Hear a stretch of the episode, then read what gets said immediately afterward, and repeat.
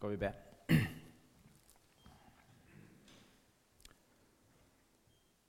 Far og frelser,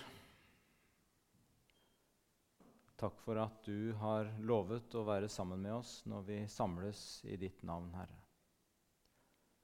Takk for at du har åpenbart deg for oss. Takk for at du ble menneske. Takk for at du grep inn i vår verden. Og takk for at du har gitt oss ordet ditt, Herre. Og så ber vi om at du vil gjøre det sånn i dag at du kan åpne ordet for oss og tale til hjertene våre, Herre. Amen.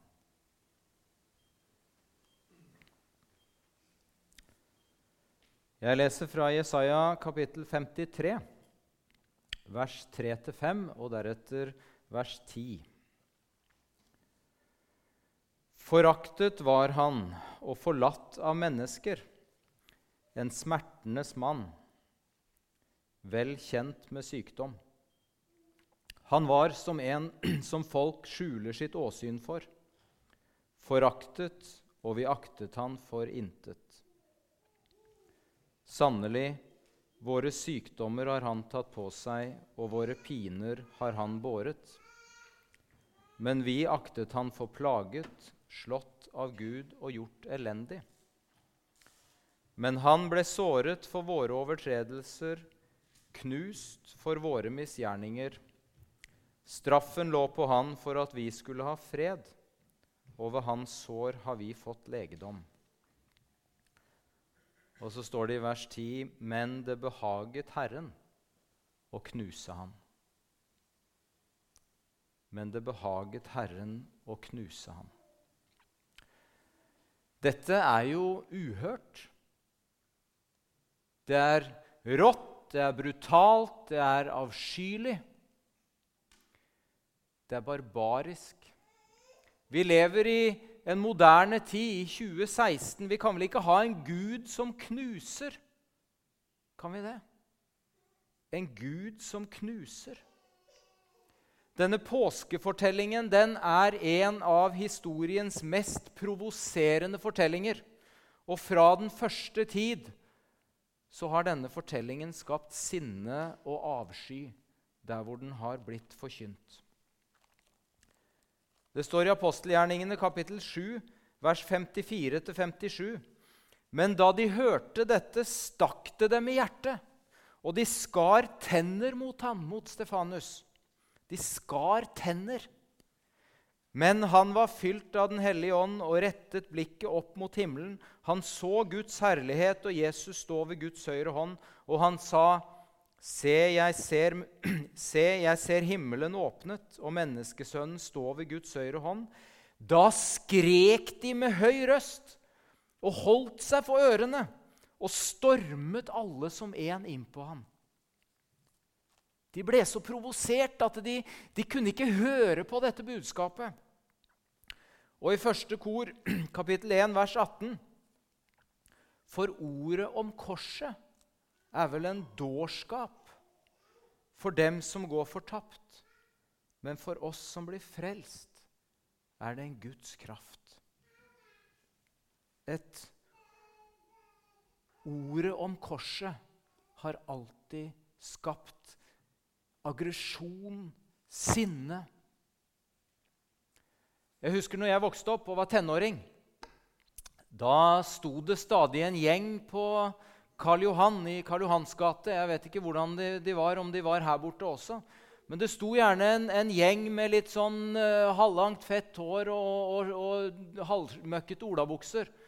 Og så uh, hadde de T-skjorter hvor det sto 'Hedningesamfunnet' på. Uh, og de På ulike vis så liksom hoverte de og gjorde alt de kunne for å, for å latterliggjøre kristentroen. Aggresjon overfor overfor den kristne fortellingen og den kristne troen. I dag så hører vi ikke så mye til hedningesamfunnet lenger. Men eh, disse karene i hedningesamfunnet de har fått seg noen skolerte fettere. De som i dag kalles for nyateister. Som er høyt skolerte eh, akademikere og som, som angriper kristen tro med like, en like stor iver som disse i hedningesamfunnet brukte å gjøre. Nærmest en, en slags militant iver, mange av disse. Og de angriper troen på enhver gud, men aller mest troen på kristen, eh, på kristen tro og den kristne Gud. I sommer så eh, hadde vi, eller i vår så hadde vi en masterstudent på Fjellheim som heter Eivind Svenningsen. Og han skrev sin masteravhandling over temaet 'Hvorfor mister unge mennesker troen sin?' Unge mennesker som vokser opp på bedehuset, eh, som vokser opp i kristne hjem, kristne sammenhenger. Hva er det som skjer? Hvorfor mister de troen sin? Og så gjorde han intervjuer. Han, han, han fant en, en, rekke av disse som tidligere hadde vært kristne, og som hadde vendt ryggen til kristen tro. Og så gjorde han intervjuer med dem, og så spurte han hva, hva er det som har skjedd eh, for, for, i, i ditt liv hva var det som skjedde? Hva var det som gjorde at du valgte å vende ryggen til kristen tro? Og mange av disse unge sa på en måte at problemet var at de klarte ikke å holde fast på troen.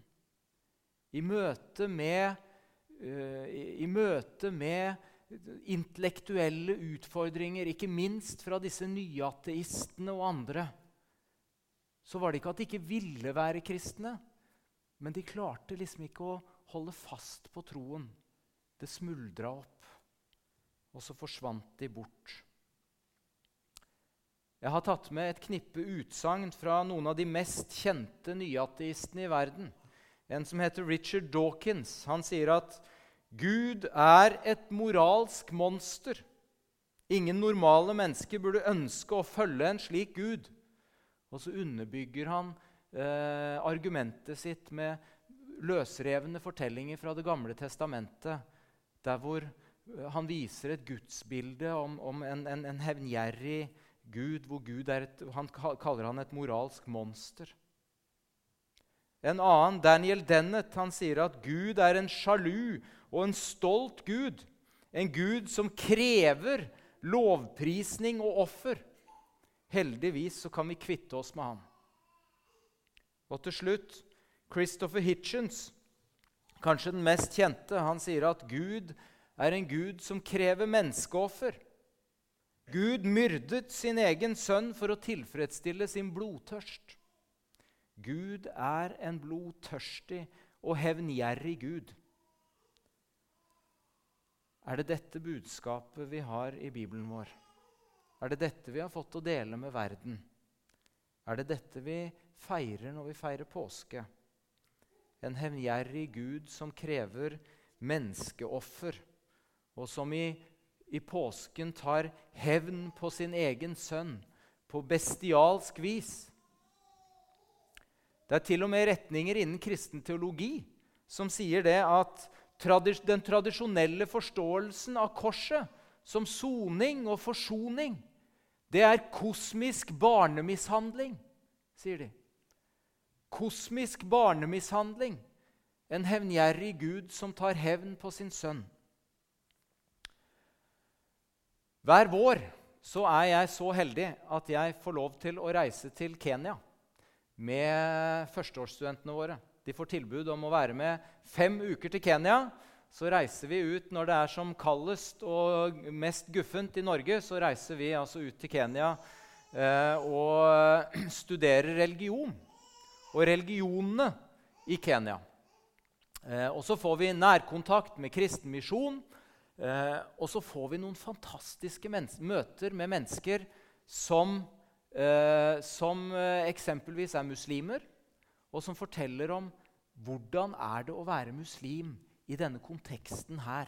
Møtet mellom gammel religion, gammel tradisjon og, og islam. Eh, og nede på kysten, på Msambweni, der hvor eh, NLM har drevet arbeid en del år, så har vi blitt kjent med en eh, lokal fisker som heter Hamed. Hamed han er muslim. Og han er leder for fiskerlauget der nede.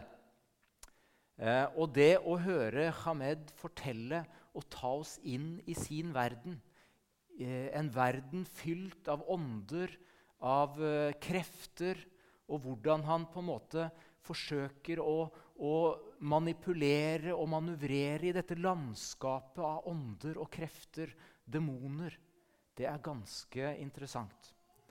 Han fortalte en gang om, eh, om hvordan han så kameraten sin.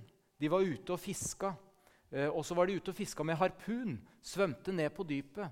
Og så sier han at han så kameraten sin bli tatt av en djinn, av en ond ånd i, i den islamske, eh, muslimske tenke, tenkemåten.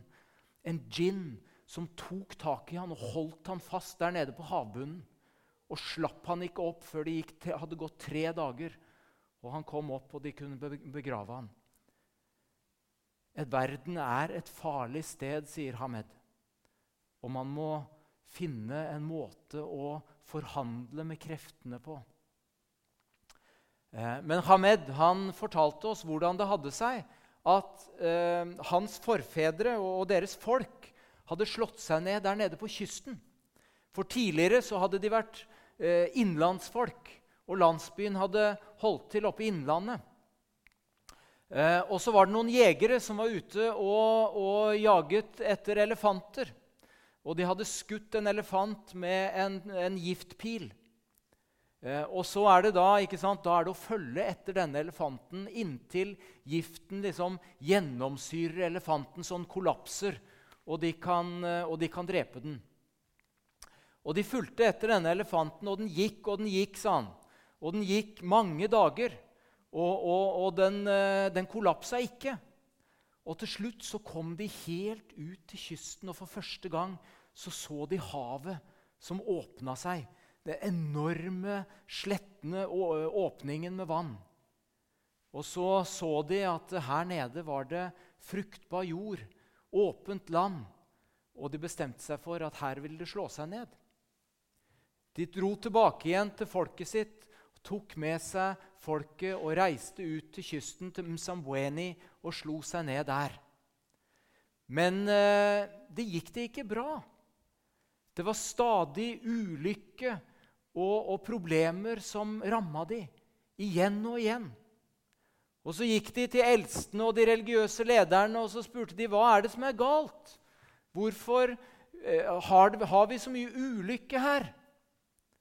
Så søkte de åndene, og så fikk de det svaret at denne ånden som eide stedet og dominerte det stedet der hvor landsbyen var før, han er sint på dere. Og nå tar han hevn. Ja, hva kan vi gjøre for å blidgjøre denne ånden? Jo, sa de religiøse lederne, da må dere ofre en mann i sin beste alder. Og så var det en mann som sto frem, som heter Mwembe. Og Mwembe han sa at for folkets beste så gir jeg mitt liv. Og så ofret de Mwembe til de onde åndene. Og Derfor så er det en del av Msambweni som fortsatt i dag bærer dette navnet Mwembe, til ære for denne som ga sitt liv. Gud er et moralsk monster. Gud er en gud som krever menneskeblod. Er det en sånn en gud vi har? En sånn en gud som åndene som krevde livet til Moembe. Trengs det egentlig et offer? Hvorfor trengs det egentlig et oppgjør eller en betaling? Mange sier at dersom Gud hadde vært en allmektig Gud, så kunne han vel bare bestemme at alle er tilgitt. Når Gud ikke gjør dette, så er han ond, sier nyateistene. Islam de angriper kristentro ved å si at hva slags far ville akseptere at hans sønn blir drept uten å gripe inn? Det gir jo ingen mening. Gud krever at vi skal tilgi hverandre, sier nyateistene. Hvorfor kan han ikke selv tilgi? Kan vi ikke bare be om unnskyldning, og så skulle det være nok? I muslimsk teologi så sier man at Allah kan tilgi hvem han vil. Allah kan frelse hvem han vil, men han velger å la være. Og så kan dere smake litt på det. Hva slags gudsbilde det er. Allah kan tilgi hvem han vil. Han kan frelse hvem han vil, men han velger å la være. I alle rettssystemer til alle tider i ulike kulturer, så eh, har rettssystemene alltid forutsatt et oppgjør og en straff for ondskap. Vi i Vesten og i Norge vi tenker gjerne at vi er mer humane, vi er mer utvikla enn andre folkeslag. Og likevel, etter annen verdenskrig, så var det et folkekrav i Norge eh, at man skulle henrette ledende nazister. På samme vis når Anders Behring Breivik dreper titalls uskyldige ungdommer på Utøya, så var det mange som igjen begynte å snakke om dødsstraff. Om det ikke hadde vært rett å ha dødsstraff i Norge. Og så slår man seg på sett og vis til ro med at ja, bare han sperres inne bak en dør, og vi slipper å se han, og han aldri slipper ut, så kan vi leve med det. Hva med folkemord? Med IS, som vi hører om i Irak og Syria? Konsentrasjonsleire, overgrep mot barn? Uretten brenner. Din brors blod roper til meg fra jorden, sa Gud den gang eh, Kain hadde drept Abel. Kunne ikke disse bare bedt om unnskyldning, så hadde det vært greit? Og så lenge de ikke gjør det igjen og gjentar ugjerningen, så må det vel være greit? Dersom massemordere, overgripere, krigsforbrytere bare ber om unnskyldning og ikke dreper igjen, så må det vel være greit? Nei, det er ikke greit. For noen er dypt krenket, og det trengs et oppgjør. Og det er en forakt mot de om det ikke finner sted et oppgjør. Den hellige Gud, som elsker det gode, og som hater det onde, er krenket av din og min ondskap og det er behov for et oppgjør. Og likevel så er Bibelens oppgjør helt annerledes. Det er ikke et vilkårlig menneske som ofres for å blidgjøre Gud. Det er ikke Mwembe som ofres, men det står i Markusevangeliet kapittel 10, vers 45. For heller ikke menneskesønnen er kommet for å la seg tjene, men for selv å tjene og gi sitt liv som løsepenge i manges sted.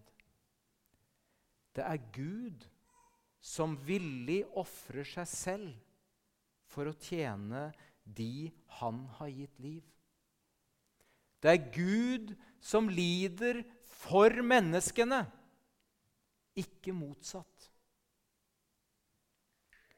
Vel, sier noen av disse nyateistene, Kristi død er jo uansett et ganske enkelt offer, et, et latterlig offer. Eh, er det så ille å være død et par-tre dager og så stå opp igjen? Det er noen ganske enkle saker. Det er da mange som har lidd langt mer enn det. Dersom Kristus hadde vært i evig fortapelse, evig lidelse, det hadde vært et skikkelig offer, sier de.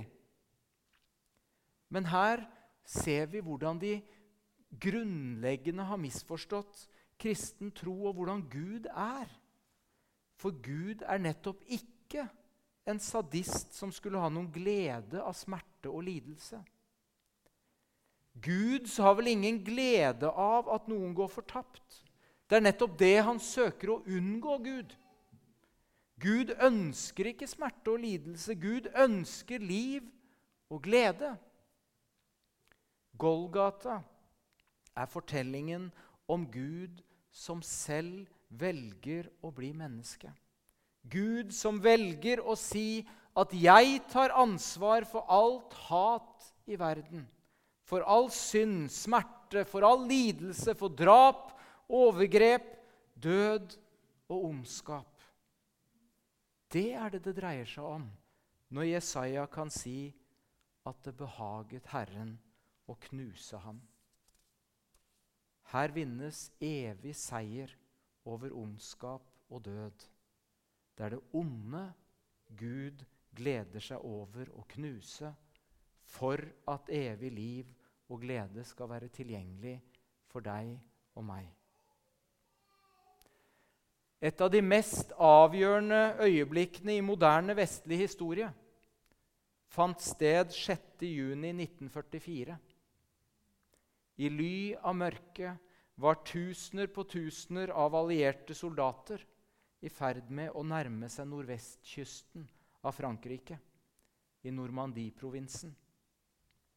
Denne morgenen begynte den allierte invasjonen av Europa. Om nazistene kunne klare å drive de allierte styrkene tilbake ut på sjøen, så ville kanskje vår verden sett annerledes ut i dag. Men lederne for de allierte styrkene de visste at om de bare kunne få et fotfeste på europeisk jord, så ville kampen nesten helt sikkert være vunnet. Om de bare kunne bryte gjennom de tyske forsvarslinjene på ett sted, i ett avgjørende slag, så ville alt se helt annerledes ut. Det var en fryktelig dag. Tusener av unge soldater mistet sine liv. Tusener av barn mistet sine fedre. Tusener av mødre ble enker. Det var en dag med ubeskrivelig lidelse. Og for alltid så er denne dagen båret betegnelsen D-dag. D-day. Day-day på engelsk. Dagen med stor D. En viktigere og mer avgjørende dag enn alle andre. Og fordi det var noen som ga sine liv på det dag, så skulle det også komme en V-dag, en victory day, en seiersdag. En dag da, eh, en dag da verden skulle nyte godt av lidelsen. Når millioner skulle nyte godt av den lidelsen som noen tusen gikk gjennom. Men det behaget Herren å knuse ham. Dette er vår D-dag. Dette er eh, den dagen som hele historien, fra skapelsens første time, hadde ledet frem mot. Dette er dagen som for alltid vil forbli historiens sentrum. Denne D-dagen er dagen når livets opphav, skaper av himmel og jord, møtte døden. Og selve historiens D-dag er merket av smerte og lidelse fra begynnelse til slutt. Den fysiske smerten eh, var grusom. Venner og familiesmerte var grusom. Men ingenting kunne sammenlignes med smerten over å bli forlatt av Gud Fader. Den hellige ble skyldig med din skyld og ble straffet av den hellige Gud som hater synd. Det er ubegripelig for oss å forstå. Umulig å forstå, men det er sant likevel. Vi kaller dagen for langfredag. Dagen som er lengre enn alle andre. Den dagen som synes aldri å ta slutt. En hel verden som liksom ligger i, i kramper og venter. Hjelpeløst, fortvilt, venter på at dette må ta slutt. Men på grunn av denne D-dagen vår så skal det også komme en V-dag, en seiersdag. På engelsk så heter langfredag for The Good Friday. Den gode fredagen. Den dagen som er ubeskrivelig, ubegripelig god. Fordi dette er den dagen som understreker vår verdi, og som løfter oss opp som mennesker og gjør oss til hele mennesker igjen. Vi er skapt til fellesskap med Gud, og gjennom Guds eget offer så gjenopprettes gudsforholdet til et evig fellesskap med Gud. For så høyt har Gud elsket det han skapte, at han ga seg selv. Ondskapens og syndens og dødens følger er overvunnet en gang for alle. Gud selv, livets opphav, velger døden. Og så er nagler og tornekrone det er sekundært, men alt understreker det samme. En Gud som elsker på en slik måte at han ofrer seg selv til det ikke er noe mer igjen. En Gud som fornedres til det ikke finnes livskraft tilbake. Luther han sier det at den som ikke kjenner Gud i lidelse, han kjenner ikke Gud i det hele tatt.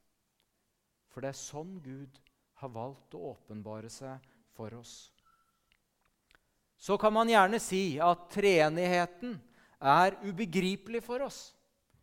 Man kan gjerne si at Gud er uforståelig for oss. Eh, at vi ikke kan forstå hva det betyr at Gud både er den som knuser, og den som blir knust på Golgata. Men Gud er ingen blodtørstig Gud som krever menneskeoffer. Gud velger selv lidelsen og ofrer seg selv for at du og jeg skal ha tilgang til evig liv og glede. Så oppgjøret i kristentroen finner altså sted ved at den som er krenket, selv bringer offeret. Det er den største nåde. Og det er det budskapet som du og jeg får gå ut i verden med. Det er det budskapet vi skal få dele med en verden i lidelse, en verden uten håp, uten Gud og uten håp i denne verden. Kjære Herre og Frelser, takk for at du valgte veien om korset for oss. Takk for at du valgte lidelse og død Takk for at du brakte offeret som vi aldri kunne bringe, Herre. Så ber vi, kjære gode Gud, at du alltid må holde oss fast hos deg, med blikket festa på deg, til en evighet sammen. Amen.